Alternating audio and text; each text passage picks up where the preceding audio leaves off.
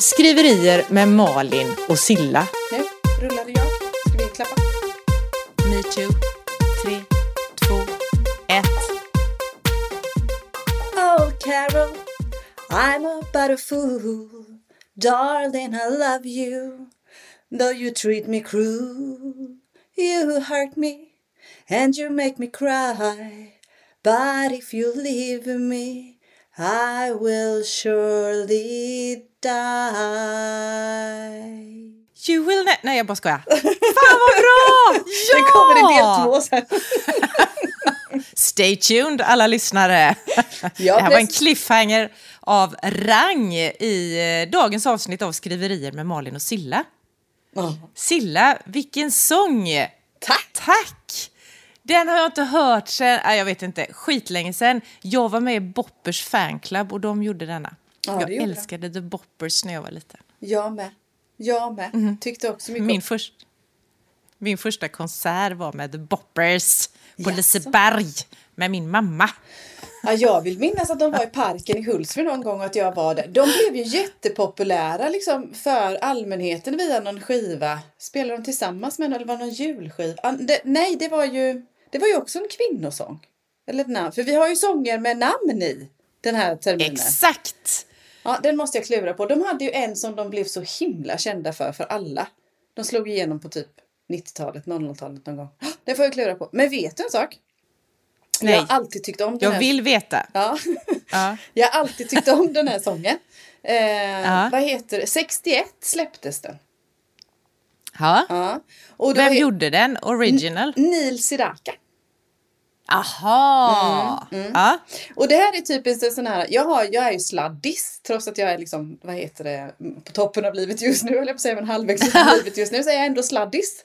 Mina syskon är äldre än mig och jag fick, när jag växte upp där på 70-talet, så fick jag mycket av deras eh, musik till mig. Den här bland annat kommer jag ihåg att det var någon som spelades på skivspelaren och sådär. Och när jag Ja. skulle googla texten, för då googlade jag Oh Carol liksom. Vet du vad det står, då? Ja. Vet du vad det står i texten? Oh Nej. Soraya. Helt förvirrande. Va? Jaha. Heter den inte Oh Carol? Jo, det står att den heter Oh Carol. Men i sångtexten så står det Oh Soraya. Undrar varför det är så. Gud vad spännande! Herregud, här har vi ett uppslag till en spänningsroman. Jakten på Soraya och vad hände med henne? Ja. Ja. Och varför ändrades? Blev han mutad? Blev han hotad på något sätt? Var det något liksom maffia som kom där och skulle säga? Eller är det någon som har gjort Vad en vi? på internet och bytt ut alla Carol mot Soraya istället? Nej, jag vet inte. Nej, mycket mysig. Och sen så, för, först valde jag ju den bara för att jag kände att ja, men den här är en mysig sångbit, eh, låt så. Mm. Och sen så när jag väl tittade på texten liksom eh, Darling I love you though you treat me cruel. Alltså ibland under själva skrivprocessen så, så kan jag känna igen mig. Inte ofta, men det kan, jag kan göra det. Ja, jag kan känna igen, kanske inte själva skrivprocesserna, utan mina karaktärer. När de hittar på sattyg, eller vad de nu gör, då, då tycker jag de är elaka. Ja, ja. Ja, så den stämmer verkligen in på vårt skrivande, det får jag säga. Tusen tack för skönsång och smart sång då, Tack. apropå författarskapet. Det blev ju det. Det var ju inte meningen från början. Från början var det bara att det var en rolig låt. Ja, och det duger gott tycker jag. Kul är viktigt att ha. Det är vi. Ska vi gå vidare nu i vårt 45 avsnitt av Skriverier med Malin och Silla? Ja, 45 är jättemånga. Ja, det är ändå bra jobbat av oss. Det är jättebra jobbat av oss. Jobbat av oss. Ja, Ja. vi ska gå vidare. Och då går vi vidare. Vi har första punkten på agendan. Fan, det glömde jag. Har du något? Jag har det, fast det är mer en fråga till dig som vi båda har glömt. Ja. Tror jag. Ja, vad, oh, Gud, Eller så har jag glömt att vi har svarat på detta. Det är den här, kommer du ihåg Asterix-frågan du hade? Den här lilla stjärnan som Ja! vi skulle ta reda på. Du skulle ta reda på tror jag till och med. Eh, vi pratade om den och du hade fått så här någon kommentar om att du ska skriva Skriv hellre med Asterix på något sätt. Mm, för att det var bättre i ljudbokssammanhang. På jag Ja. skriver ju kursivt, men då fick jag ju tipset att använda Asterix istället. Har du fått reda på, liksom, va? Vad är skillnaden? Nej, jag har glömt det. Ja. Men vad bra, då har vi en fan det glömde jag punkt till nästa avsnitt. Men du, nu, nu, nu, måste, nu måste jag försöka tänka efter lite. Jag har ju för 17, jag reagerade ju, när du säger det så reagerade ju nämligen det bara för någon vecka eller två sedan. I en bok jag läste. Nu känner jag mig helt förvirrad. Jag ska ta reda på det. För, jag läste en bok där det här, kom, det här var en del kursiv text i. Och Ja. det var känd författare och, och vet jag också. Och då vet jag att jag tänkte det, men herregud, han har ju hon, han, hon, den där tar ju kursivt. Och inga asterixer. När du sa asterix först så tänkte jag på asterix och obelix.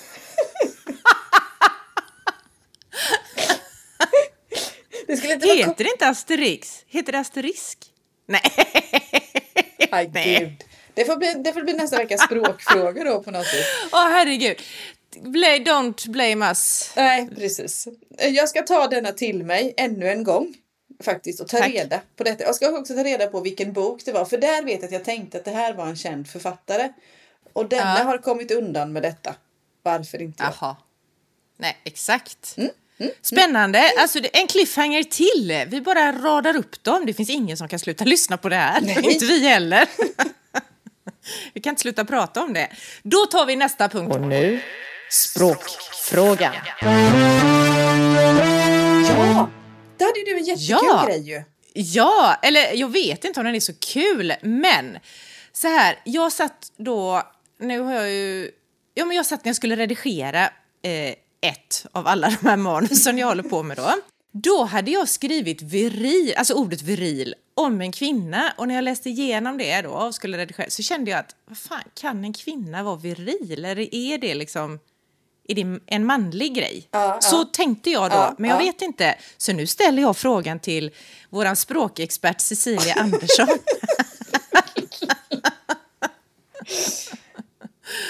Vad är alltså viril? Ja, det undrar jag också. Jag hade reagerat som du. Eller hade tänkt som du. Jag är absolut ingen Mm. språkexpert, kommer aldrig bli. Kommer inte liksom sådär. Så. Men jag kan, jag kan resonera. Jag är bra på att ljuga. Ja, men ljug lite då, för jag har hittat sanningen här sen, så kan du ljuga lite först. Ja, jag hade tolkat det som, jag hade själv, om vi säger så här, jag hade själv inte använt viril om en kvinna. Det känns manligt det, i mig på något vis. Den känslan är så, på så vis. Jag hade nog livfull kanske jag hade använt om en kvinna eller något liknande. Eh, viril kan jag ju också koppla till liksom att man är fruktbar, eller vad heter det? Men du, en, ja, det, aha, men fruktbar, är inte det en kvinna? Ja, fast och då är viril då den manliga motsvarigheten, någonting sånt. För när du sa livfull så tänkte jag först att ah, är det verkligen samma sak? Men då kom jag på just det här med manligt och kvinnligt. Mm. Det är ju kvinnan som är full av liv, om man nu tänker på Ja. att hon är, blir gravid och bär Ja. på livet i sig. Spännande. För just, just kopplingen till viril. Jag hade använt det, jag hade använt om en man, inte om en kvinna. Spontan, nu spontant liksom sådär då. Och jag hade gjort, alltså virilitet är nog min tolkning från början att man är, vad he, ja men viril, att man är liksom fortfarande kan göra barn höll jag på att säga. Så, att mannen fortfarande är viril, att det fortfarande fungerar. Så, det är den, ja. Vilket också då tidigare, förr i tiden då tolkades till att man var full av liv eller stark och Precis, för så jag ser framför mig, för jag tycker också som du, alltså, jag vet inte hur jag ens kunde skriva det, för när jag läste det så kände jag att det här är bara fel. Alltså, Ja. det, en kvinna kan nog inte vara viril, jag visste ju inte det då, jag vet ju det nu. Men eh, vad heter det, jag, jag ser framför mig en man, jag tänker just way back också, han är så här rak i ryggen och han kanske har en hatt på huvudet och Ja. en randig väst eller något sånt här. Ja, ja. Det är en viril man. Men nu har jag ju då googlat på detta medan du satt och pratade. Vill du veta om du hade rätt eller fel? Ja, berätta! Jag kan nästan sätta en peng på att jag har fel. Nej! Nej. Jag sätter emot och då vinner jag. Du har rätt. Ja. typ, så här är det. Viril betyder manlig. Från latinets vir, som är man. Det är ju spännande. ja. Ja. Och eftersom samhället är... Da, da, da, da. Ja, eftersom samhället då är patriarkalt, står det här, män styr, då laddades ordet viril med sånt där som att man är ädel och man är järv och man är rak. Ja, det är Ja, precis vad vi kom överens om. Men du, Exakt. om vir betyder man, Mm. då är det ju inte jag som är virrig i den här familjen, bland andra ord.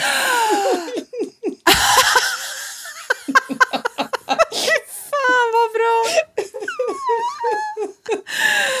Årets bästa ord! Utan det är de Eller andra bästa fyra komma sjättedelarna. på. Så Ja! måste det vara. Så måste det vara. Du, fy fan vad konstigt, för virrig. Det är ju inte många män som är virriga, tänker jag. Det är ju kvinnor som är virriga. Tror Spontant. de ja. Nej, ja, ja, men jag menar det, alltså så som jag tänker på ordet. Ja, det är sant. Det är sant. Det är kärringar som är, eller ja, kvinnor. Nu hade jag dialekt, dia- dialektslant där, men ja, ja. Men det var ju lite spännande. Men frågan är ju viril.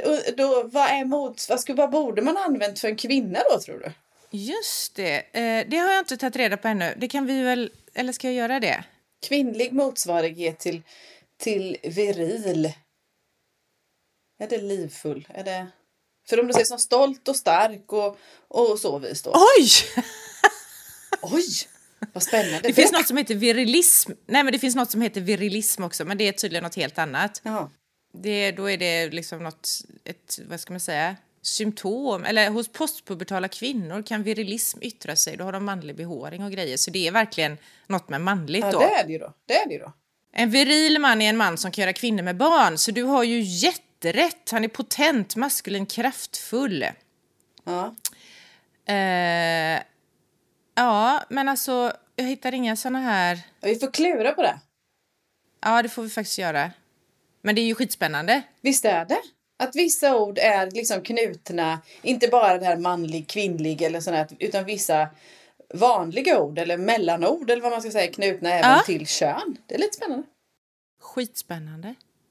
Men eh, vi släpper det nu, för jag har inget svar mer på detta. Nej, men jag tyckte ändå det var, jag tyckte vi landade bra i det, för frågan var ju liksom om en kvinna kan vara viril och egentligen kan hon ju inte det då. Precis. Bra, då har vi svarat på veckans språkfråga. Ja! Det går bra nu. Det ja, går- det alltså, går bra vad- nu.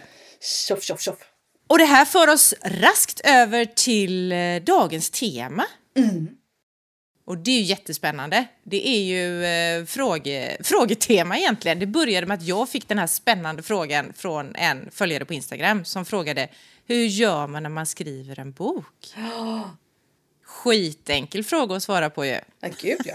Vi har gjort det flera gånger. Skriv bara skriv! Men förutom skriv bara skriv då så har vi ju fått fler frågor och vi tänker besvara också den frågan även om den är så jädra övergripande så den måste vi nästan bena ner. Men ehm, ja, var börjar vi? Ja, men Vi börjar ja. med en fråga som sen blev en följdfråga på detta då för att jag ställde ju följdfrågor till henne också. Jag sa det här är en jättestor fråga. Först svarade jag ju det här, det kanske jag sa förra avsnittet, skriv. Ja, Det är ja. det första du behöver göra. Skriv, Ja. bara skriv. Men sen då, ja, då fick jag följdfrågor i alla fall. Och den ena frågan är väl bra att börja med, tänker jag. Och det är hur börjar man? Det är också en bra fråga. Vi, bara, vi, kan väl bara säga, vi kan väl bara säga det att vi har fått flera frågor. Flera Ja. fina, jättetrevliga, roliga frågor. Så att det, det kan vara så att vi behöver två avsnitt till detta. Så att vi blir liksom Ja. så. Ja. En del Precis. är ganska stora och då behöver vi lite mer tid. Men vi, bör, vi börjar precis som du säger. Hur, ja precis, hur, nu börjar vi. Hur börjar man?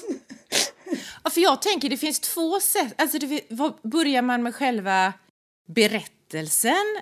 Är det det som är frågan? Eller är det hur börjar man med själva jobbet att skriva en berättelse? För det är ju mycket annat runt omkring innan man börjar. Ja, det är det.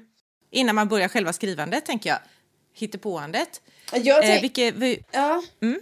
jag tänker att man liksom, på något vis så måste man ju landa in att man är sugen på att skriva. Punkt. suget. att suget, känslan, viljan, önskan på något vis är så pass stor att man vill skriva. Att man liksom ramlar in i tanken, att man accepterar tanken, att man... Ja, någonstans där. Att det liksom, man går ju inte från att ingenting till att bara sätta sig och skriva. du sa något skitviktigt där, att man accepterar tanken. Att det liksom är där som det på något sätt landar in, att jag är ju den som ska skriva det här. Mm. Och inte går och drömmer, för det är ju lätt att gå och drömma om detta. Det gör ju var och varannan... Var tredje svensk tror jag drömmer om att skriva en bok. Det är jättemånga. Ja, det är jättemånga, men det är ju inte riktigt lika många som gör det. Nej, så att nej. har man tanken så tror jag mycket ligger i det där acceptansen av att jag är en människa som skriver. Ja. För det har ju du och jag pratat om förut, att det var ju först när vi bestämde oss på något sätt att jädrar i min lilla låda, jag skriver, jag är författare, eller ska bli. Eh, det var ju då det började på riktigt, alltså Ja. att man började ta, lägga tid på det och ja, men, prioritera det. Ja. Ja. Helt rätt. Helt rätt. Så någonstans där. Eh, Att, och det är man, säger, man kan ju likna det vid idrotter eller att intressen eller så överhuvudtaget. Att man blir sugen på någonting och sen tar man steget till att anmäla sig eller börja träna eller vad det nu än må vara. Det är likadant, nästan likadant här. Att man börjar bli sugen och känner på så vis då. Men sen då kanske det liksom mer rent praktiska kommer. Ja, och jag tänker i det här suget också att det börjar kanske alltid med att man har an, en idé. Och det kan ju vara en idé, ja, en berättelse. Det kan vara ett problem som finns ute i världen som man bara känner att vad fan, det här måste vi prata mer om eller det här vill jag skriva om. Eh, men tänker, det kan ju också vara så här att man har en figur i huvudet, alltså en karaktär som man känner att den här som jag har hittat på är så jävla rolig så att det här vill jag veta mer om, jag vill skriva mer, jag vill utforska den här. Så att någon slags, ett frö eller Ja. en liksom, nyfikenhet på någonting som man själv vill så här, utforska eller berätta mer om. Eller, ja, men nyfikenhet tror jag är en bra grej. I. Det Jättebra. kanske hänger ihop med suget. Ja. Och sen, sen när man väl liksom har börjat landa in, alltså den här nyfikenheten, den här figuren, scenen, berättelsen, du, liksom, du känner att den börjar återkomma nästan oftare och du tänker på den oftare och oftare. Då är ju mitt råd att liksom börja skriva ner tankarna. I något an- antingen ett anteckningsblock eller i datorn eller på väggen. Alltså du får göra precis vad du vill. Alltså skriv ner dina tankar bara. Du behöver inte tänka på att du skriver alltså, en bok där och då. Utan bara om, om du skulle skriva, vad skulle du vilja ha med? Bara noteringar, anteckningar. Skitbra, för jag tror också att det är anledningen till att det är en tredjedel som drömmer om att skriva en bok, men väldigt många, mycket färre som gör det. Det är just det här att man tänker sig det färdiga resultatet redan från början. Alltså det här Ja. gigantiska klivet och det är ju jättelångt dit och det är skitstort. Så att just de här små, små, små stegen, att bara börja och börja då med det som du säger. Anteckningar, idéer, tankar. Det kan vara namn som vi har som tema här i år nu då, sångtema. Det kan ju vara att man kommer på ett namn på en karaktär. Det kan vara att man sitter och liksom lyssnar på ett café eller spårvagnen eller någonting på någon, någon som säger någonting så bara det där var spännande att plocka med. Det är lite grann som kantarell, man tar på sig författarglasögon istället för kantarellglasögon så man liksom upp, alltså tar in det som händer och omkring en och också precis det som du sa, få ner det, alltså så att man, för det kan jag gå omkring och tänka på, gud tänk om jag glömmer det här. Alltså så att man verkligen har ett, ett eller flera ställen som vissa av oss har. Med, där man skriver ner eller pratar in sina idéer. Ja. ja, jag tror det också. Att man börjar liksom, som vi säger när man spånar eller så småningom, så det är ju det som, liksom, som är spårningsprocessen eller kanske till och med lite research och lite sådär. Men få ner de tankarna. Och sen, tro, sen tror jag på något vis att när tillräckligt mycket kommit ner i det anteckningsblocket då växer suget igen. Och det, det är då du kanske behöver sträcka tid i almanackan, bestämma dig för. För det är då liksom det är dags att slå ner röva som vi säger. Och börja sätta ihop tankarna till någonting annat. Och där är ju så stor skillnad. Där där är det ju verkligen individuellt hur strukturerad du vill vara då. Exakt, för jag tänker också att jag tror att man får och sen sänka ribban på det här när du säger att man börjar skriva ner att nej men det jag skriver nu så kommer det inte bli i slutändan utan bara vara nöjd med att man får ur sig det man behöver få ur sig och sen man har ju hundra redigeringsvändor på sig sen att göra om det. Ja. F- För det går ju, det finns ju något citat om det här va? Som jag tycker är så jädra bra men som jag inte kommer ihåg nu. Att det går ju att redigera en dålig text men det går inte att redigera något som inte finns. Typ. Sant. Sant. Ja. Så att jag tänker det, sänka ribban, ta de där små stegen Och sen det som du var inne på nu, det beror, alltså, allt är ju jätteindividuellt hur strukturerad man vill vara. Ja. Det finns ju de som skriver synopsis, som det då heter här i, i denna branschen. Att man liksom sammanfattar sin idé, eller vad ska man kalla det? Ja, ja, ja. En, en sammanfattning. Eh, vissa gör ju det jättedetaljerat, alltså har hela berättelsen klart för sig, vet till och med hur det ska sluta. Jag säger till och med, för där är ju inte jag. ja. eh, andra har, skriver inga synopsis. Alltså det här gäller ju även de här jätteetablerade författarna. De gör ju olika allihop. ja. Så att är jag en sån som, jag behöver ha den här ledstången längs vägen, alltså ett synopsis att hålla mig i så jag kan gå framåt steg för steg. Eller freebasea och ha bara ett ungefärligt hum om sådär, var ska den utspela sig eller vem ska finnas med och sådär. Och den personen vet, åtminstone gjorde inte jag det. Jag visste ju inte vilken sorts person jag var från början. Nej. Vad heter det? Så där får man faktiskt testa sig lite fram. Och kanske också, jag gillar ju det här med att man kollar hur det gör andra och får tips och idéer. Och sen tror jag också det här att man, man kommer tillbaka till den här sugenheten. Ja men det här, det här skulle passa mig. Och så kan man börja Ja. testa med det då. För sen, för sen är det ju nästan inne i det här som vi började med. Att skriv, bara skriv. Och det är väl det som är sammanfattningen. Så huvudsaken är att du gör något i alla fall. Att du gör något, liksom ta små steg framåt till. Så till, liksom, till den här boken då, eller till den här berättelsen så att säga. Så svaret på frågan hur börjar man, det är kör och gör. I små steg. Ja! Ja! Ja. Gud vilket bra svar! Kör och gör i små steg. Alltså du, kan vi inte trycka upp det på något vykort eller något? Jag har fått en fråga som jag tycker lite grann den hänger ihop med den. Eh, fast ändå inte. Men om det är okej att jag tar nästa fråga också? Ja gud, ja men du har, det är du som har samlat frågorna så det, kör på! Ja. Och det är hur strukturerar man sin berättelse? Ja Malin, den frågan kan du svara på. Undrar varför du skrattar, jag fattar inte riktigt. Men Japp. här är, här är också likadant då.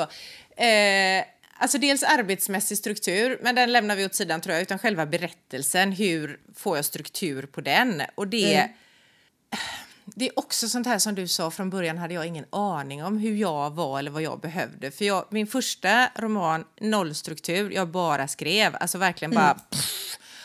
Och det blev ett hästjobb sen med redigeringen. Eh, det blir det alltid med redigering. Men man kan ju göra det lättare för sig genom att ha en struktur ungefär. Jag har ju hittat ett verktyg för det här som jag använder nu, men som heter Plotter, som jag pratade om i ja, massa avsnitt sen. Ja. Men det kan vara... För mig tänker jag så här att ha... Jag skriver inga noggranna synopsis och så, jag skriver lite ungefär. Så här ska det börja, de här ska vara med. Det här är temat för min berättelse. Alltså jag vill att det ska sluta, inte exakt hur det ska sluta, men ska det sluta lyckligt eller ska det sluta Ja. olyckligt ungefär? Vem ska Ja. vara hjälten i det hela? Att man har lite koll då på den här dramaturgiska kurvan, tänker jag. Ja, ja. Eh, för där hittar jag mycket struktur, att jag vet att ja, men, en fjärdedel in i boken, då ska det vara första vändpunkten, att där ska någonting hända som sätter någonting på spel för min huvudkaraktär då, som man kanske tycker om. I mitt fall brukar man, är det det jag vill i alla fall åstadkomma, att man ska tycka om den här personen. Och då händer det någonting som gör att oj, oj, oj, hennes liv ställs på ända, typ. ja. Och sen, alltså att man ungefär när halva berättelsen är klar, då händer nästa stora omvälvande grej som gör att nu måste hon fan börja agera. Alltså ja, ja, ja. lösa det här på något sätt. Vem kan hjälpa henne och är hennes vänner verkligen hennes vänner eller vad är det som händer med detta? Och så, alltså att hon, där behöver hon komma på, nu säger jag hon, bara för att det jag har bara massa hon som huvudkaraktärer visst. Ja men och sen när det närmar sig sluttampen, säg en fjärdedel kvar, då ska det liksom hända någonting som gör att ja, men här börjar upplösningen, nu börjar det ordna till sig. Och sen kan man ha någon överraskning till, men att man har lite så här delat in det i stora händelser då. Mm, mm. Jag fattar, fattar.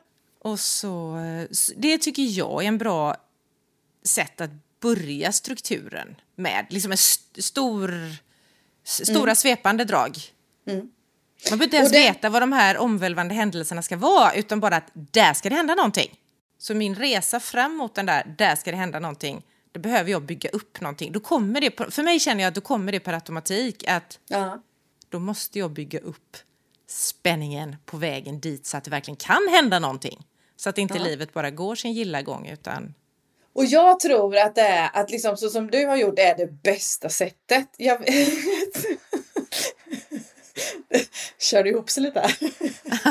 Vi har lite tekniska problem. Silla ligger ner på sidan nu när jag tittar på henne i min ruta. Det, det, det ringde ju och då skulle jag avvisa samtalet och helt plötsligt så har bilden vänt så att jag, jag ligger ner och jag vet inte, jag törs inte peta så mycket för då kanske jag avbryter alltihopa. Jag ska ta ett skärm, en skärmdump på det här så ska ni få se allihopa sen. Gör det. Det är jättekonstigt. I alla fall så, men jag, jag tror nämligen att vad heter det, att göra som du gör, att arbeta på det, på, på det sättet tror jag faktiskt är egentligen det bästa sättet. Jag önskar att jag också hade eh, möjlighet, och det har jag säkert någon gång ska jag ta tag i livet och göra det. Men, men för jag tror också att i de här, att har man då börjat och gör, har i de här anteckningarna eller synopsis eller sammanfattningarna, de här idéerna du har skramlat ihop, så har du de scenerna, vändningarna eller de här äh, olika punkterna som du pratar om i, oftast i det materialet på något vänster eller så då. Problemet är att jag är ju för lat. jag gör ju inte jobbet in, jag gör, lägger inte ner det jobbet innan. Alltså, jag känner att jag skulle nog vilja göra det någon gång så småningom. Utan jag ja, chansar ju och förlitar mig på att det liksom löser sig på vägen. Jag går ju från de anteckningar till att bara skriva. Jag hoppar ju över ett steg. Men det är mitt liv i ett nötskal.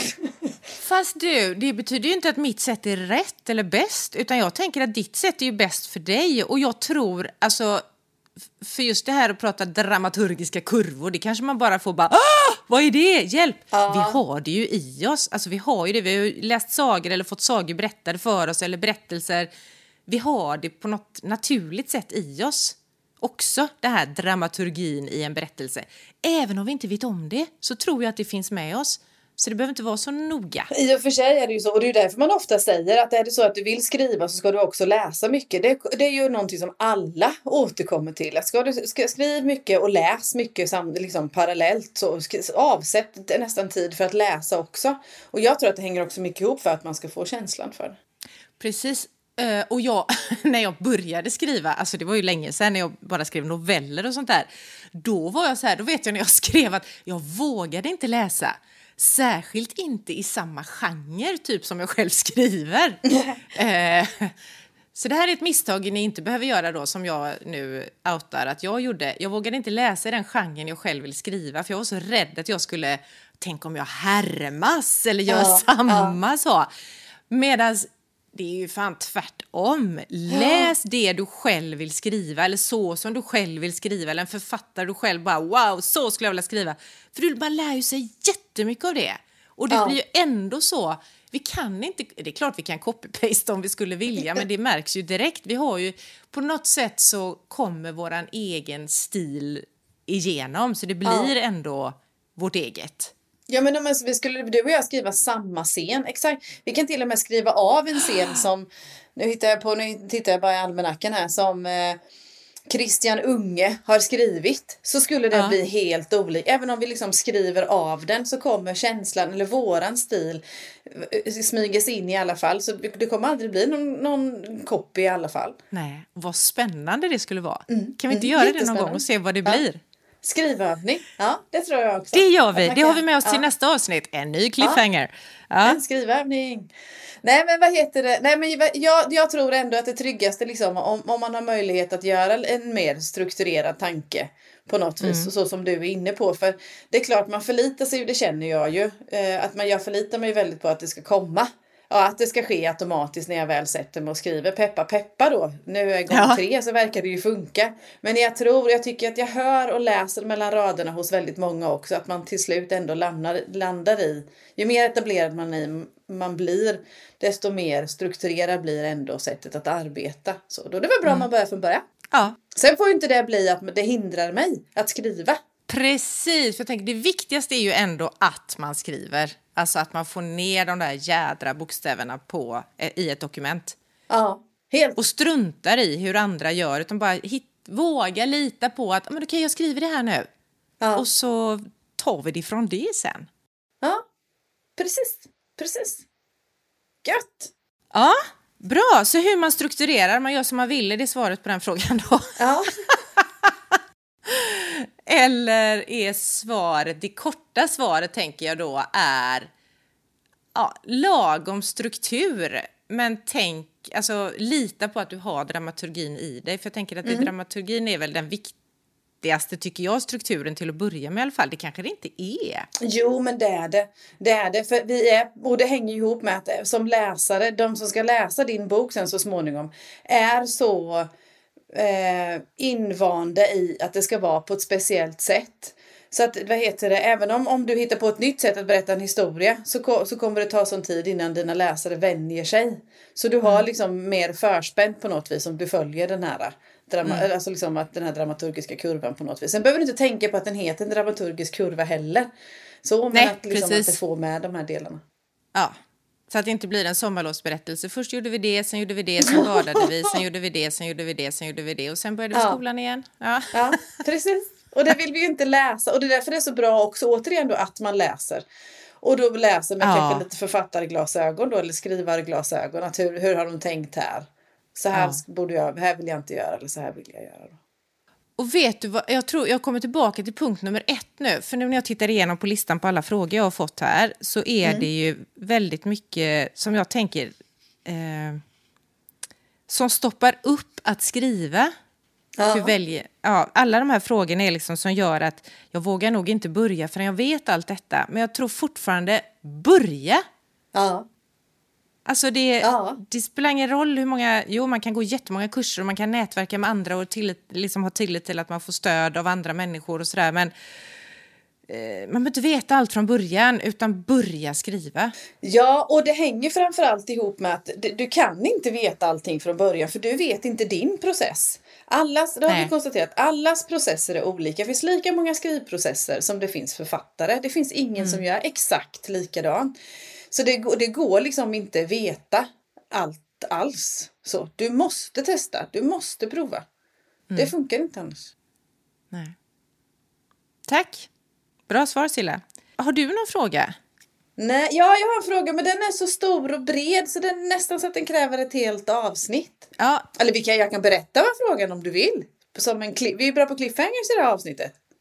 Och det är nämligen så att vi fått in en fråga till oss vad vi ser oss själva om fem år med skrivandet. Och den... skitspännande fråga. Ja. Och min plan för de här fem åren är så omfattande så att jag behöver ett helt avsnitt. Gud vad roligt. Då ska vi ha ett helt avsnitt när Silla berättar om sin femårsplan. Det blir kul. Eller inte. Ja. Men vi sparar den helt enkelt. För alltså jag vet inte riktigt, de hänger ihop. Alla frågor hänger ju ihop här egentligen. Mm. Apropå det här med struktur då, tror jag att detta kan vara en bra fråga att ta eh, som nästa. Och det är, hur håller man tråden? Mm. Den kan väl lite grann hänga ihop med det, Ja. tänker jag. Ja. Så hur håller man den där berömda röda jävla tråden? Som ibland är flera röda trådar känner jag. precis, eh, ja, men utgår jag från mig själv så handlar det mycket om eh, mitt minne. Eller min känsla. Eller min, om mina anteckningar Mm. faktiskt. Eh, nu jag sitter ju som bäst och håller på och skriver på, på, på nummer tre i Västervik-serien då. Och då har jag, eh, nu har jag gjort så att jag sitter vid ett skrivbord när jag skriver och sen har jag dubbla skärmar. Det behöver man absolut inte ha.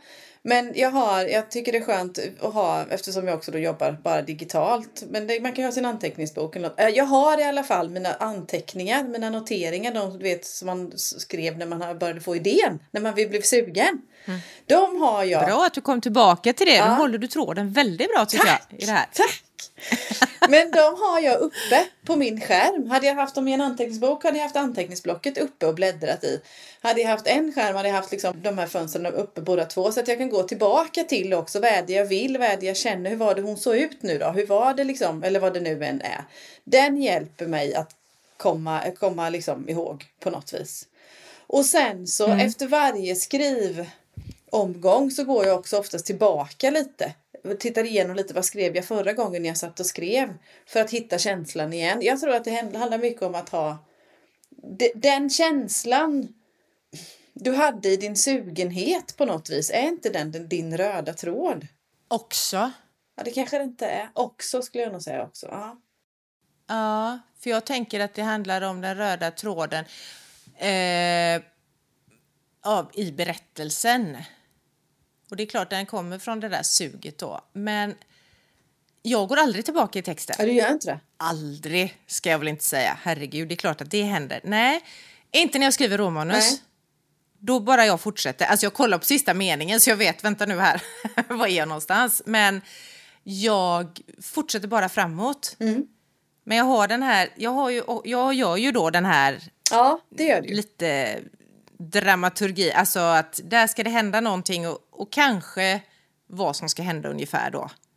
Eller vart det barkar hän. Så då vet jag ju att jag är på, jag är på väg åt ett visst håll. Eh, och det här är ju någonting som jag lärde mig den väldigt hårda vägen med första romanen. Att den röda tråden eh, det är väldigt bra att ha den för att det är lätt för mig. Man känner ju idéerna bara sprutar och man kommer på mm. nya grejer under gång och sådär. Men att börja liksom falla för alla frestelser att ta tag i alla de här nya trådarna. Den var ingen bra grej för mig. Jag hade ju en hel jädra trasselhög med både röda och svarta och gröna trådar och allting sånt där. Som, med saker som jag inte knöt ihop på slutet. För det är klart man kan ha olika grejer som händer mm. men det behöver ju knytas ihop på slutet då. Eh, så att, att ha, hur man håller tråden för mig är just att ha ja, men det här ramverket från början då med en ja, men dramaturgi eller struktur, ett jädrigt grovt skissat synopsis, mm. alltså mm. Mm. Ja, jättegrovt men och hålla mig till det. Och kommer jag på lysande idéer under gång, alltså fler trådar då i andra kulörer, då skriver jag ner dem någonstans i ett dokument, i en anteckningsbok. För man vet aldrig, det kan komma till användning i manuset jag skriver nu, men det kan också vara uppslag till en helt ny berättelse. Och, det, på, och då det är det ju bättre att skriva dem i, som du säger, i anteckningarna då, än att skriva dem i din berättelse i första hand. Så, om, du, om du, du inte får en idé som liksom passar perfekt där och då, då självklart ska den in. Men ofta så ska den ju in i anteckningar och marineras lite innan. Jag kom tänka på det förresten, vad heter det, Emelie Skepp pratade om det eh, någon gång när jag lyssnade ja. på henne. Hon började inte skriva förrän hon hade en början och ett slut. Så här, grova drag så att säga. För att då visste hon också att hon hade, har en, en eh, hon vet hur du skulle börja och, vet, och då har hon en riktning. Och då har hon ju också en, en svag röd tråd eh, att jobba utefter. Det, det kan man ju hjälpa sig själv. Jag jobbar ju själv lite så. Jag skriver ju en bit av, inte slutet slutet, men en bit av klimax. En scen där mm. som jag flyttat till början. Mm. Från början var det inte meningen att det skulle bli så i boken utan det var ju för att jag själv skulle fatta vad jag var på väg. Sen har jag ja, liksom tryckt böckerna så också att det blir som en prolog som en försmak av slutet. Och sen backa till, få mm. läsa backa tillbaka och se vad som har hänt där. Och det, så det kan mm. ju också vara ett, ett tips då. Eh, men eh, jag tror att det liksom, den röda tråden finns i dina, i dina anteckningar och dina idéer och i din, di, din plan. Så, att ha den vid liv hela tiden. Precis, för att jag gör ju inte riktigt som hon gör, skriver slutet Nej. och inte som du gör heller. Nej. Men jag har, eh, jag vet typ hur jag vill att det ska, alltså inte hur jag vill att det ska sluta exakt. Nej. Det vet, har jag, ingen, jag har ingen aning om det, men jag, jag vet, ja, men som jag sa innan, jag vill att det ska sluta lyckligt mm. och jag vill att min då huvudkaraktär ska... Alltså vad ska kontentan av det hela ja. bli? Temat för det jag skriver då, det kan vara... Ja, men jag hade Marians mirakel till exempel, det var ju det här med att prata med varandra. Mm. Det var ju ett viktigt tema då, prata om sånt som vi gärna sopar under mattan för det är så jävla jobbigt att ta upp. Eh, då ville jag att det skulle bli liksom, det här ska du bära med dig när du har läst boken mm. ungefär. Mm. Att ah, herregud, där fick man se hur bra det blev när de faktiskt pratade med varandra. Ja. Det, så kan jag bestämma ungefär. Ja. att Och det, jag vill att det ska sluta. och det, det är ju också liksom verkligen, enligt textboken höll jag på att säga, men det är många som säger, för det, det tänkte inte jag själv på alls första gången, andra kanske lite mer, än mer den här tredje gången just att en, en berättelse, en bok ska verkligen innehålla en förändring av huvudkaraktären. Den ska börja på en punkt och sluta på en annan. Att det verkligen ska vara den här förändringen och upplevelserna däremellan. Kan man säga att röda tråden är vägen till förändringen då? Ja, det kan man absolut göra. Och så tänker jag också att det är just det där viktiga att alla trådar man tar i, oavsett om de är röda eller vad de är, de ska, de ska knytas ihop på slutet. Så att man inte lämnar dem ofästa och Ja. det repar upp sig och Ja, ja sådär. precis. För då är det bättre För att eh, det... att kapa dem i så fall. Ja. Om de inte löser sig så är det bättre exakt. att ta bort dem. Mm. Precis så. Så hur gör man för att hålla den röda tråden? Man håller sig till den röda tråden helt enkelt. Ja, faktiskt. ja, men faktiskt. Och en sak till som jag kom på där nu då. Det är ju det att inte vara rädd för, det kanske är så, visar det sig efter ett tag att det som jag från början tror är min röda tråd eller mina vändpunkter eller vad det kan vara, det är inte det som blir när jag sen skriver. Så jag tror också att man kan vara väldigt flexibel i det här. Men byter jag röd tråd, ja men då byter jag röd tråd. Alltså så att man gör det medvetet och att det inte bara råkar hamna någonstans där det inte alls var meningen och så har man fortfarande första röda tråden kvar utan plan med flexibilitet. absolut. Och det- är lite så som när, vi, när, när man jobbar, man när, när det, an, i andra arbeten, då har du ju liksom oftast en, en, en lista att gå efter eller en, en, någonting att följa. Eller det här, du, nu måste jag göra det här för det här ska hända och det här ska hända. Det är lite samma sak. Håll, så när du håller den till den, ja, men om jag Ja, men om jag arbetar i mitt hushåll till exempel. Det var lättast jag kunde komma på. Och idag måste jag fixa med tvätten, jag ska putsa fönstren eller vad det nu än var. Ja, men jag, ja, jag jobbar på så vis då. Men börjar jag flika in en massa andra saker då kommer jag ju inte fram. Då blir det ju aldrig bra till slut. Då kommer ju tvättskrället aldrig bli så. Om jag sätter mig och tittar på Netflix till exempel eller på så vis då. Det- Den känslan har vi ju, den kan upplever vi ju alla vad den är, att jag blir aldrig färdig. Nej, det blir jag inte för att jag stoppar in en massa andra grejer på vägen. Jag håller mig inte till min tanke, till mitt schema, till min arbetsmetodik där. Så det är likadant som när man, när man skriver. Fy fan vilken bra liknelse! Oj, tack! Bästa grejen! är ju- Snyggt Vi bär ju Silla! alla den känslan ibland att man blir inte färdig och sen när man rannsakar sig själv så nej men det beror ju på att jag gjorde någonting annat. Och det liksom på så. Sen kan det vara så att det var bättre att jag gjorde någonting annat. Ja men då är det så, då har vi bytt röd tråd för då var det bättre. Men jag Ja. behöver liksom skala och mota bort andra saker för att hålla mig till min, min linje då. Skitbra! Tack! Lite nöjd över det faktiskt. Eller så bara utgick jag från mig själv. Vad förbannad jag blir när jag inte blir färdig. Nej, den var bäst idag faktiskt. Tack. En eloge Tack. till dig, Tack. Cecilia Andersson, författare från Småland. Ja, du, eh, ska vi ta en fråga till eller innan vi går över på våra avslutande punkter? För vi har en dos frågor kvar. Ja. Så jag tror vi får dela upp det här faktiskt. Gärna en fråga till. Gärna en fråga till och då tar vi, ja den här är ju så jädra rolig. Eh, hur skapas karaktärer? Ja, Kan du berätta allt om detta nu? absolut.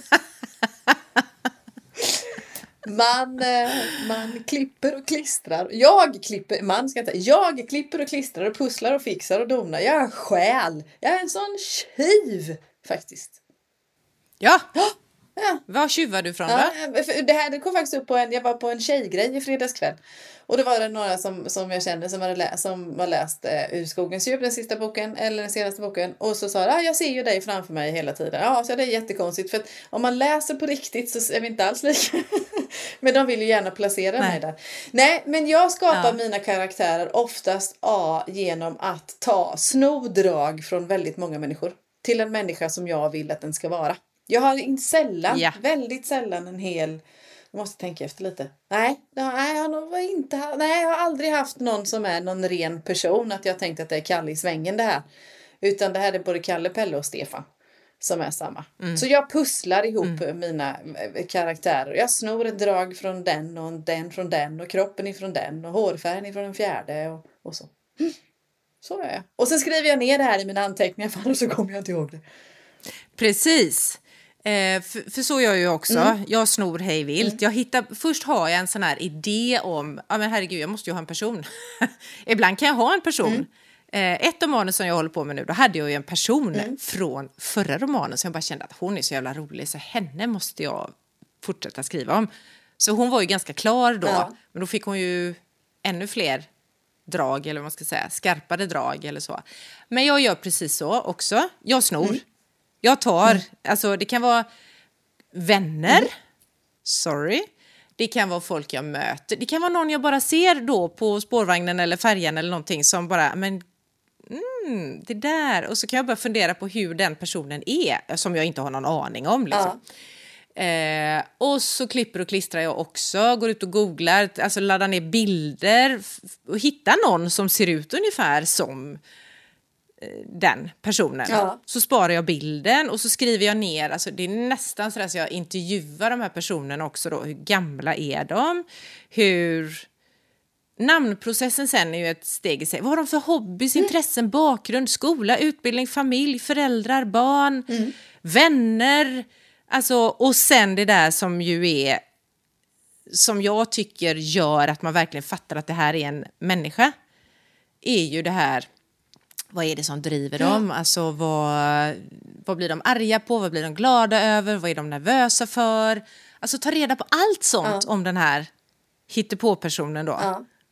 Och det är också snott från människor, eller man, jag har omkring mig. Eller som jag kanske ser i någon film eller läser om i tidningen eller vad det nu kan vara för någonting. Ja. Karaktärsdrag. Ja. Och där, där kommer vi åter tillbaka igen. Att så, ja, du är återigen vad heter det, bättre på det att göra det förstudiejobbet. Det gör inte jag. Jag gör del av det som, som, sådär, eh, som du pratar om. så. Men jag, jag, jag är inte så detaljerad återigen för att jag är bekväm. Utan det kom, fyller jag på på vägen. Eh, på så vis då. Att det inte är, för, från början så är de ganska konturlösa ska jag inte säga men de är ganska tomma. Men så gör jag det med. gör alltså det här kommer under resans gång. Några har jag från början solklart för mig och då jag kanske till och med har sådär de, en- en väns karaktärsdrag fast väldigt överdrivet och skruvat liksom. Men då har jag ändå, då, kan jag, då vet jag Ja. att, hur den här är. Men jag gör också så när jag märker under redigering, Ja. liksom, då kommer det här, vad har den här personen för tics för sig eller vad, alltså som man verkligen fördjupar och fördjupar och Ja. fördjupar. Det, det känner jag, det behöver jag inte heller ha klart från Nej. första början utan då är de nog lite platta och trökiga, innehållslösa. Jag har, jag har börjat med en ny grej. Eh, just till, Ja. till det här eh, andra projektet som jag vet inte vad det ska ta vägen än. Ja. Där jag inte sitter och skriver utan spånar. Där har jag testat, eller kommer jag att testa och jag har redan börjat att eh, ha bilder. Jag har bildgooglat folk Ja. liksom. Så. Ja. ja. Men precis, för Ja, det, gör gör jag ju det. också för ja, att det har inte jag gjort innan. Nej, det gjorde Ja. jag. Nu har jag liksom, så nu har jag Nej. sparat ner bilder och det här kan ju vara från liksom det här Shutterstock eller ja, det kan vara en kändis eller de här kommer jag aldrig berätta för någon vem jag har liksom utgått. Men bara för att få en känsla, likaväl som att ha anteckningarna framme så kanske jag kan ha någon bild framme för att vi ska lära känna varandra. Nu tittar jag på ena skärmen och pekar lite varandra. Och så, då kanske jag har googlat eh, man 60 år, nu hittar jag bara på någonting, man 60 år och så kommer det upp en bild och så fastnar jag för en man i 60-årsåldern som har ungefär de dragen som jag har tänkt mig. Och då handlar det inte om att jag ska tycka om den, jag tycker att han är snygg eller något så, utan den ska passa i de tankarna jag har kring den här personen. Så, så det har jag, det ska jag Ja. prova nu i mitt liksom, lilla sidoprojekt som jag inte vet vad det ska ta vägen än. Det är skitkul. Och vet du vad jag tänker på nu? För, för Mm. så gör jag också. Samlar ihop liksom hur de ser ut och allt sånt där. Och en grej som jag har tänkt på. Att i den här fiktiva världen då, när vi hittar på karaktärer. Då, då har jag kommit på eh, att det är mycket mer, och jag vet inte om det här att det är så, utan det är bara jag som har hittat på att det är så här. Att det behöver vara större skillnad på mina karaktärer när det gäller utseende och när det gäller då personlighetsdrag än vad det är, säg att det är ett kompisgäng. Alltså det kan ju vara så att man är ganska lika både till utseende och klädstil och inredningsstil och ålder och utbildning och allt, alltså så. Ja. Men när jag skriver om dem, då då kan jag ju inte ha ett gäng som, här sitter fem Malin och skrattar, alltså det blir ju jättetråkigt, utan det behöver ju vara, en är mörkhårig, en kommer från en fattig uppväxt och en är frånskild och en är, vad vet jag, alltså det behöver vara jätte, eller jätte, men det behöver vara mer skarpa kontraster Ja. mellan karaktärerna tror jag i en berättelse, Ja. än vad det är i verkligheten. Ja. Och det, det kräver sitt. Det kräver verkligen sitt, liksom, känner jag. När jag sitter och klurar Mm. på det här. Om jag, säger, om, jag, om jag brinner, kommer på en karaktär sådär.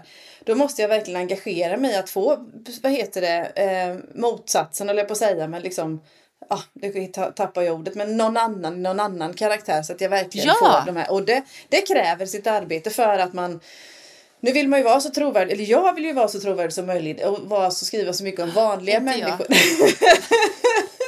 jo då. Men vad heter det? det är att jag ska lära mig att inte bara svara man utan svara jag. eh, att vad heter det? Eh, alltså få kontrasterna då som du säger som mellan de här personerna. Det får jag verkligen engagera mig om. För att så är det ju inte som du säger i verkliga livet och då måste jag verkligen jobba på det. Sen, å andra sidan är det väldigt, väldigt kul. Det är jättekul! Men det är verkligen det där, alltså, som jag, när jag hade skrivit om några så bara, ah, men vänta nu här, båda hade ljust långt hår. Nej men då gjorde den ena mörkhårig korthårig istället Ja. för att det liksom skulle vara någon skillnad Ja. då. Så att det, ja. Och annars är det också så omöjligt för oss som läsare att hålla reda på människorna om de ser likadana ut. Exakt. Och en sak till som jag tycker är, och det har ju faktiskt med våra tema i år att göra då, vårt sångtema, det är att sätta namn på dem. Det är roligt. Det är ju så roligt och det kan ju bli så fel och det kan bli så rätt också. Att man verkligen känner det att nu har jag fan hittat rätt alltså. Och jag tror inte det kommer vara någon bok i hela mitt liv där jag inte byter namn på någon på vägen. Nej, För frivilligt eller ofrivilligt. precis. Jag har ju bytt ofrivilligt någon gång. Alltså när jag bara har Ja. upptäckt efter halva boken när jag har skrivit att men vänta nu här. Eller det var min lektör som upptäckte, vem är Anders? Du har skrivit om en Magnus i hela i halva berättelsen och sen helt plötsligt dyker en Anders upp från ingenstans som är, som är Magnus då. Men eh, då tyckte jag väl att det passade bättre där. Så att, eh, ja. Slarvat med sina Det är spännande. sina anteckningar.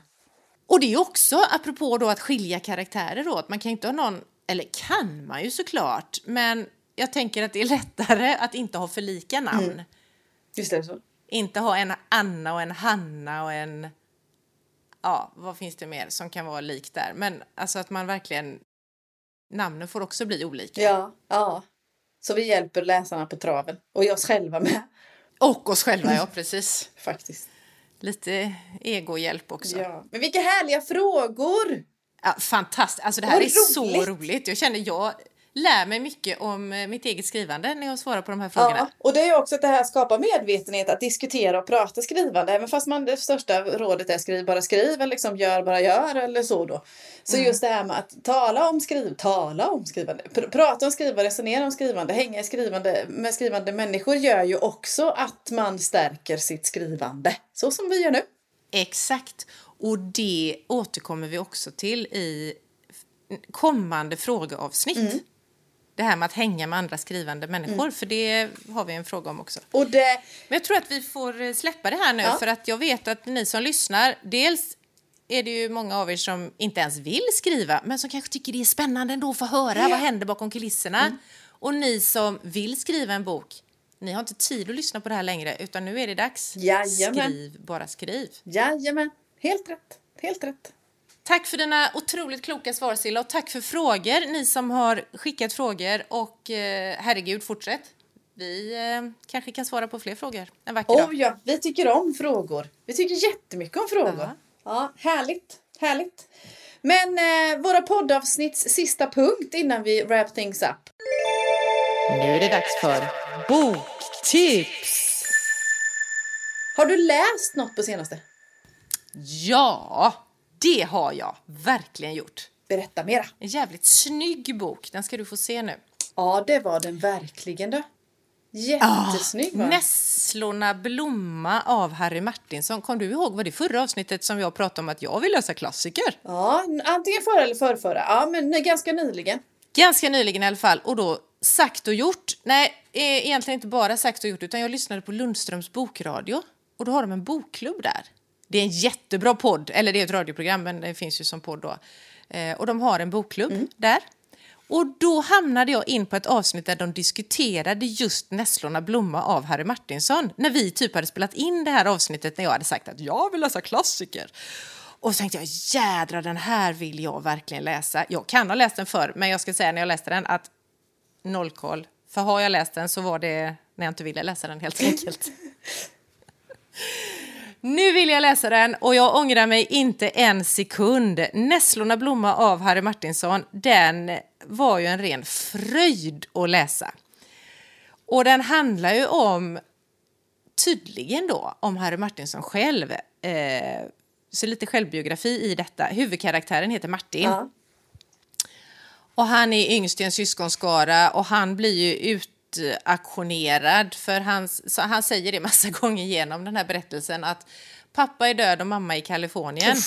Ungefär så är det. Ja. Och det här är ju om det är slutet på 1800 eller början på 1900-tal som det här utspelar. Men han är ju född 1935 har jag läst. Så att, ja, strunt samma. Han blir i alla fall, de är fattiga och han blir utakkorderad till, eller äh, utaktionerad till gårdar och eh, Ja, alltså hur man får följa då, hur jobbigt han har det. För hans liksom, trygghet var ju då, först var det mamma men sen var det hans stora syster Och hon dog i, vad heter det nu då, som de dog i? Tuberkulos. Ja, just det. TBC va? Så då hade han ju inte henne och så, ja. Så den är liksom bara... Alltså det är dels spännande, jag tänker att det här är ju en historia att lära sig av. Så här var det, tror jag. För jag tror inte han har liksom, det är klart att han har hittat på. Men eh, smart liten kille som ju då trots allt klarar sig. Det vet vi ju eftersom han har skrivit boken. Eh, och det var så här, du vet, det, dels är den ju skriven på gammalsvenska men den är inte krånglig att förstå. Nej. Det är jättespännande att följa honom. Det är ett enkelt språk. Jag tror att du, Silla, då, som inte gillar det här krusidulliga. Jag har, spa, jag har liksom hittat en formulering här som är i början på boken så jag bara kände att det här är så jävla klockrent. Man fattar alla känslor, man fattar liksom allting bakom. Men det är så enkelt skrivet. Så jag tänkte, får jag, får jag läsa en liten... Självklart. Alltså det är så, Självklart. två rader. Eh, där mötte han en kväll på djungeln kvinnan. De drabbade samman i kärlek och gav varandra ödet. Hennes kropp började svälla och han gifte sig med henne en månad före deras dotters Ines födelse. Underbart! Underbart! Visst är det bra? Ja. Mycket bra! Ja, och det var mamma och pappa, mamma och pappa till eh, den här lille Martin då. Och sen en annan grej som är så jävla rolig och det är, han är jätteduktig i skolan. Det får han ju också, blir han hånad för då. Det är synd om honom, alltså. han blir mobbad på både en och andra stället. Ja. Men i skolan, där är han kungen av tjeljud och prinsen av ängljud. Underbart! Underbart! Ja, så att jag tänker så här, vill man ge sig in i den här klassikervärlden så tror jag att det här är en bra instegsprodukt i det hela för att den var sa mycket och var lättläst. Ja, ja, ja. Gud vad härligt! Och så är det kul att ha läst. Ja, Ja jätte. men det är det. Det, är, Alltså, det är kul att ha läst och det är kul när liksom det, just den här sådana böcker får man också. Det blir en extra dimension när man läser i artiklar och läser Mm. i andra sammanhang. Och det är precis som du säger, de diskuterar böcker och sådär. Så, ah, men den har jag också läst. Det är en jätteskön känsla faktiskt. Mm. Precis, Att man inte, och det är inte bara det här att man är med i gänget utan man är faktiskt med i diskussionen. exakt. Och du Silla då, Ja, du- som är storläsaren av oss. det vet jag inte. Men just nu, vad heter det? Och återigen, för andra veckan idag så tipsar jag om en bok som jag håller på med. Det, brukar, det är inte vanligt men ja, jag är inne i det. Eh, kom, vi var ju på bokmässa du och jag, kommer du ihåg det? Ja. Och då träffade vi ju, för, jag träffade där författarens författare höll jag på att säga med. Ah, Den som är mest författare och, och en, en eh, eh, ja lite idol är han faktiskt. Björn Hellberg! Ja. På tal om att skriva så är, är den som är ute mest och längst och mest. Så, när han sitter och signerar så sitter han flest timmar än någon. Alltså mycket, ja, helt fantastisk människa på så vis då. Och jag köpte en bok av honom då som heter Vena Amoris. Och det är ju förstås en Sten Wall. Sten Wall heter ju hans poliskommissarie. Sådär då. Eh, och det här följer ju liksom, jag har inte läst jättemycket av hans böcker, det är ju jättemånga av hans böcker innan, men direkt så känner man ju igen sig hur det byggs upp och hur det, vad heter det, eh, används. Så det är en, en, en vanlig deckare i staden, som han kallar det. Så att säga då. Så vad heter det? Alla tror ju att det är Laholm och det kanske han säger också ibland att det kanske skulle nog möjligtvis kunna vara det. Eh, full, så direkt, återigen, språk då. Det här är ju inte... Det här är inte inget gammalt språk, inget krångligt språk, men han har liksom en finess i språket och använder lite ord och lite sådär som man sitter och fnissar lite och tycker att det är lite kul. Och framförallt är det rolig kontrast. Jag läser ju jättemycket deckare. Det är jätterolig kontrast att läsa Björn Hellberg istället för de här som ligger längre upp på topplistorna. Ja. Tror du inte också, för jag tänker att han är ju en sån, tycker jag då, mysig person, så här underfundig Ja. och klurig och lite full i fan så. Ja. Så jag tänker att när jag läser, det var jättelänge sedan jag läste honom, men då lägger man in det också som en extra god krydda i läsningen liksom. Ja, och tyvärr, var- jag har gjort som du har haft ett exempel, för nu har jag inte det, men känslan är liksom att han kan också använda ett ord, ett lite udda ord, och jag förstår precis, och ett, ett ord kan fånga, bli en hel gestaltning, liksom om en person Ja. eller något sånt där, och det behöver inte vara ett vanligt ord eller som man kanske slänger sig med annars. Eh, eller så. Nej. Så att, eh, ja, nej. Boken börjar med att en journalist ifrån den här staden blir överfallen i Italien. Och sen så småningom så hittas en kvinna död i, i staden eller så då. Så får vi se nu. Jag har inte kommit fram till hur det här hänger ihop men det känns som att det kommer att göra. Ja, ja. Spännande. Björn Hellberg är härlig och han skriver härligt också. Sådär. Jag tror inte jag, men Tack. så är det nog inte med någon. Jag skulle inte vilja läsa någon författare hela tiden men en sån här skön att bryta av med. Ja. Två svenska manliga författare helt enkelt. Ja, idag. du, det blev det ju. Det blev ju.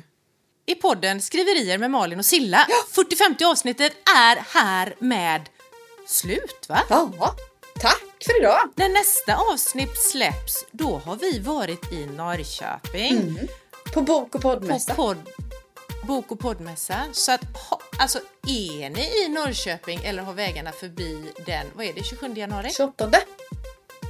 28 januari, sorry. 28 januari. Kom och hälsa på! Louis De Geer-hallen i Norrköping. Är vi ett helt eh, Ja. master med folk.